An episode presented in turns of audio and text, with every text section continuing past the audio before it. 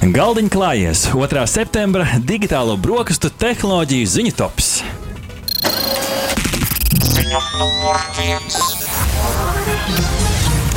Pirmdien, 29. augustā no Kenedija kosmosa centra Floridā gaisā vajadzēja pacelties nesēja raķetei SLS, jeb Space Launch System, latviešu kosmosa palaišanas sistēma, kosmosā sūtot Orion kosmosa kuģi. Taču tehnisko problēmu dēļ starts tika atlikts. Ar Temis viens misijas mērķis ir notestēt raķetes palaišanas sistēmu un likt šai raķetei apriņķot mēnesi un pēc tam atgriezties droši atpakaļ uz Zemes. Nākamais mēģinājums gan notiek jau šodien, 2. septembrī, vai arī pēc tam 5. septembrī, ja nu būs vēl kāda kļūme, un to, protams, var vērot tiešraidē. Kā stāsta Delfi Campus, tad ar vienu no četriem galvenās pakāpes RS25 dzinējiem dažas stundas pirms starta radās problēmas. Iepildot tvertnēs sašķidrinātu ūdeņradi un skābekli, paralēli nedaudz šīs ārkārtīgi augstās degvielas tiek ievadīts arī raķešu dzinējos, lai tos pakāpeniski atdzesētu līdz vajadzīgajai temperatūrai. Trešais dzinējs neatzīst, kā plānots, tāpēc starts nenotika. Un, nu, ja mēs paskatāmies tādā senākā vēsturē, tad pēdējo reizi tik jaudīgi nesēja raķete no Kennedy, Kennedy kosmosa centra pacēlās tālajā 1973. gadā, kad Zemes orbītā tika nogādāta Skylab stacija. Toreiz to darīja Saturn 5 raķete, uh, kas līdz šim ir jaudīgākā raķete, ko NASA sūtījusi uh, kosmosā. Nu, šāds interesants stāsts, nu, tā praktiski ir tāda jauna ēra kosmosa izpētē. Tātad pirmā misijas daļa ar Temis 1 apkārt mēnesim, otrā jau nogādās apkalpi kosmosā, nu, un pēc tam jau trešā ir ieplānota kā cilvēku atgriešanās uz mēnesi. Cerams, mēs to arī redzēsim 4K kvalitātē tiešraidē no mēnesis virsmas. Jā, klausītāji, ar te pieminētā šī te līdz šim lielākā raķetes Saturn 5, starp citu, kopā ar Apollo kuģi slēdzās mm. gandrīz 111 metru augstumā. Nu, ļoti ievērojams augstums. Um, nu, šī SLS gan nebūs izmērā tik prāva, taču aptuveni par 15% jaudīgāk. Un, ja mēs tādos salīdzinājumos un izmantosim tādu amerikāņu salīdzinājumu, tad šis SLS zinājums spēks ir ekvivalents apmēram 160 tūkstošiem korvete autodzinēju. Jā, nu, jaudīgākā SLS versija zemes zemē atmosfērā varot nogādāt pat 130 tonnas. Pasaulē populārā valodu mācīšanās lietotne Duolingo jaunajā mācību gadā atklās lietotni matemātikas apguvēji Duolingo Math.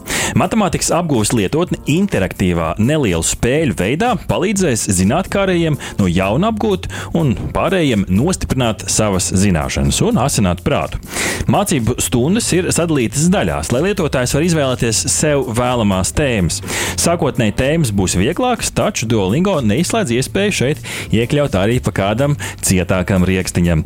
Lai novērstu garlaicīgumu, potenciāli sākumā saskaitot 2 plus 2, tad sākumā sākumā būs iespēja norādīt savu vecumu un nosacīt to sagatavotības pakāpi, lai nebūtu jāskaita šādas vienkāršas aritmētiskas darbības. Un uh, Duolingo mēt vismaz sākotnēji būs pieejams bezmaksas versijā, taču pēc tam uh, laiks gan rādīs, kā mums to stāsta portāls The Verge. Jā, nu šeit, protams, Duolingo jau ir diezgan plaši pazīstama lietotne tieši ar valodu mācīšanu, kā jau Arts minēja.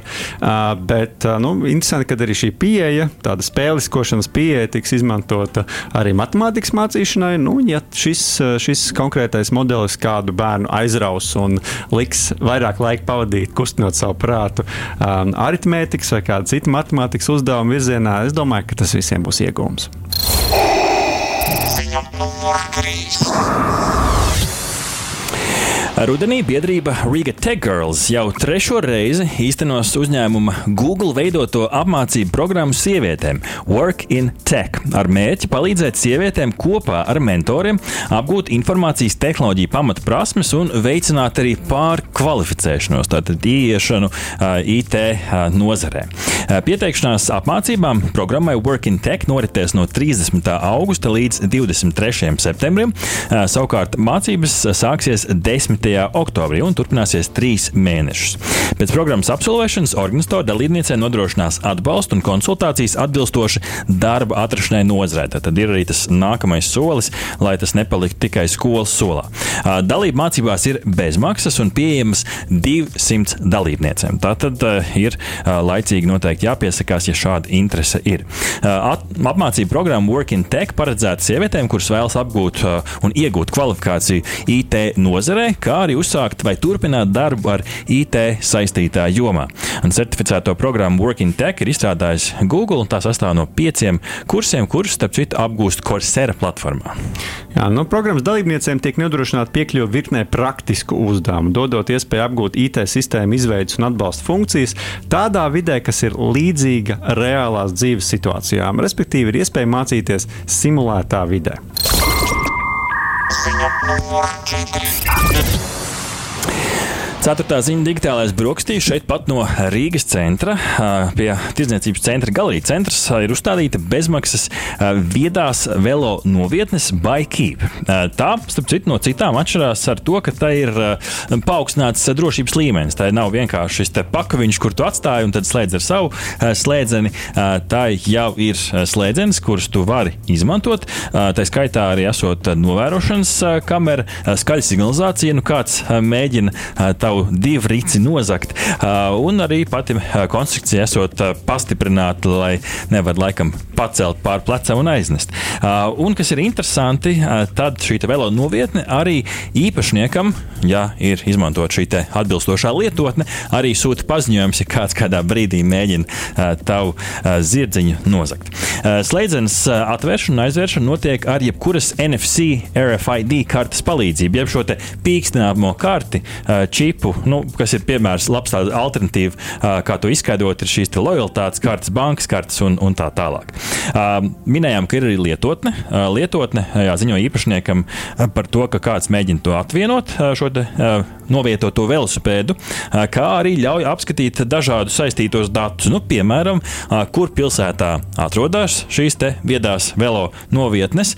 Var redzēt arī pieejamās stāvvietas, cik vēl ir atlikušas, un var redzēt, jā, cik, cik velospēdu tur ir. Katrā ziņā var laicīgi ieplānot un saprast, vai ir vērts konkrētu, uz konkrēto velo novietni braukt, un par to mums stāsta portāls kursors. Jā, nu tā tad kā tad tas praktiski notiek, lai novietotu velospēdu novietnē, velospēdu ievietot tajā saslēgā un aizver saslēgu. Ja? Un tad, mm -hmm. saprotu, izmanto to karti mm -hmm. attiecīgi, un, lai vēlāk izņemtu velospēdu no novietas, nopīkstina to pašu karti vai čipu, un tad atver saslēgu un izņem velosipēdu. Nu, tā tad diezgan vienkārši, bet tajā pašā laikā drošības līmenis ievērojami mm -hmm. augstāks.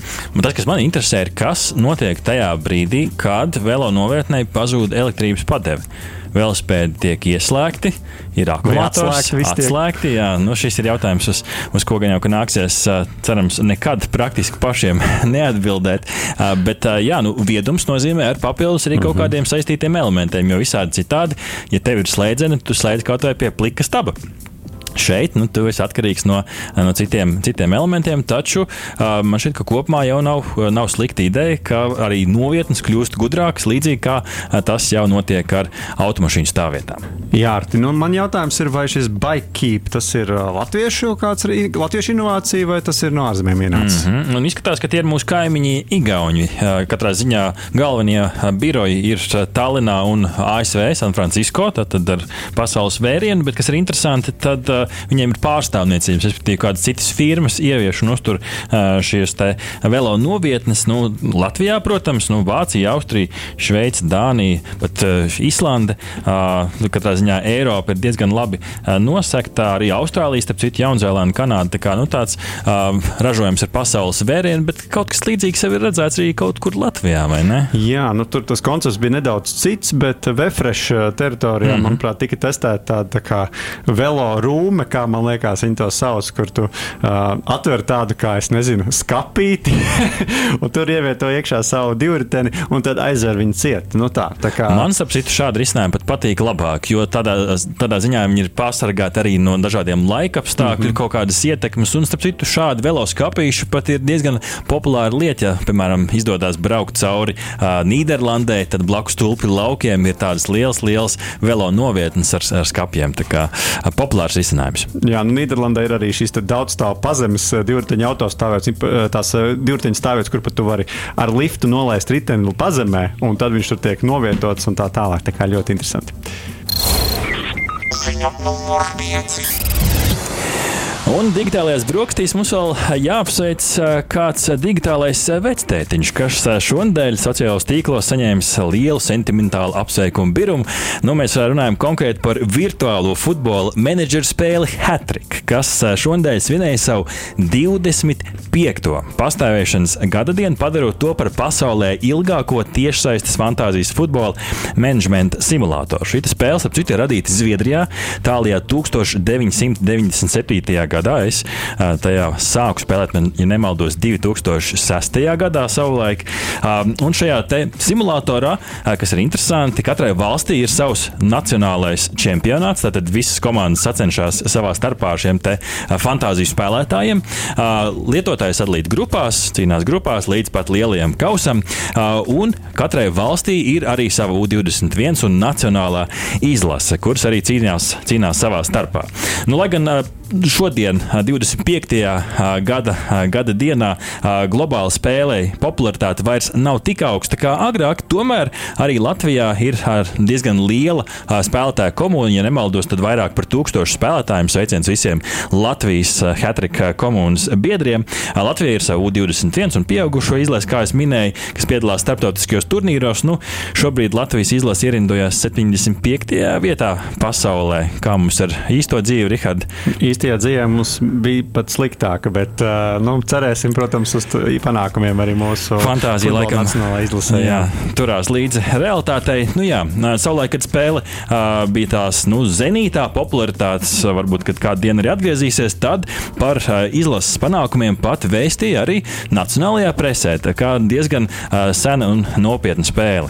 Jā, par spēles plašumu liecina arī tas, ka spēle pieejama 54 dažādās valodās, un tajā ir pārstāvēts 144 pasaules valstis. Šobrīd kopējais spēlētājs skaits tuvojas 14 miljoniem. Mm -hmm. Un spēles pastāvēšanas vēsturē nospēlēt vairāk nekā 800 miljonu futbola spēļu. Jā, katru trešdienu draudzības spēles, katru sestdienu uh, oficiālās uh, spēles. Un, uh, tā šī spēle, protams, aiziet. Te var būt vēl kaut kādas līdzības un analoģijas ar iespējams uh, simulatoriem, kas ir pazīstamāki plašākai sabiedrības daļai, kas ir uh, balstīti uz īstajiem dzīves spēlētājiem. Līdz ar to nu, šajos īst, īsto spēlētāju simulatoros tie rezultāti ir atkarīgi no tā, kā spēlē, nospēlē īstajā dzīvē. Šeit viss ir izdomāts, izdomāts spēlētāji, izdomātas komandas, un tad tie atkarībā no spēku samēriem sacenšas savā starpā. Nu, man ar komandu Sigulda 91, tā kā es dzimu Siguldā, ir izdevies uz, uzrāpties līdz 4. līgai no savulaik 6.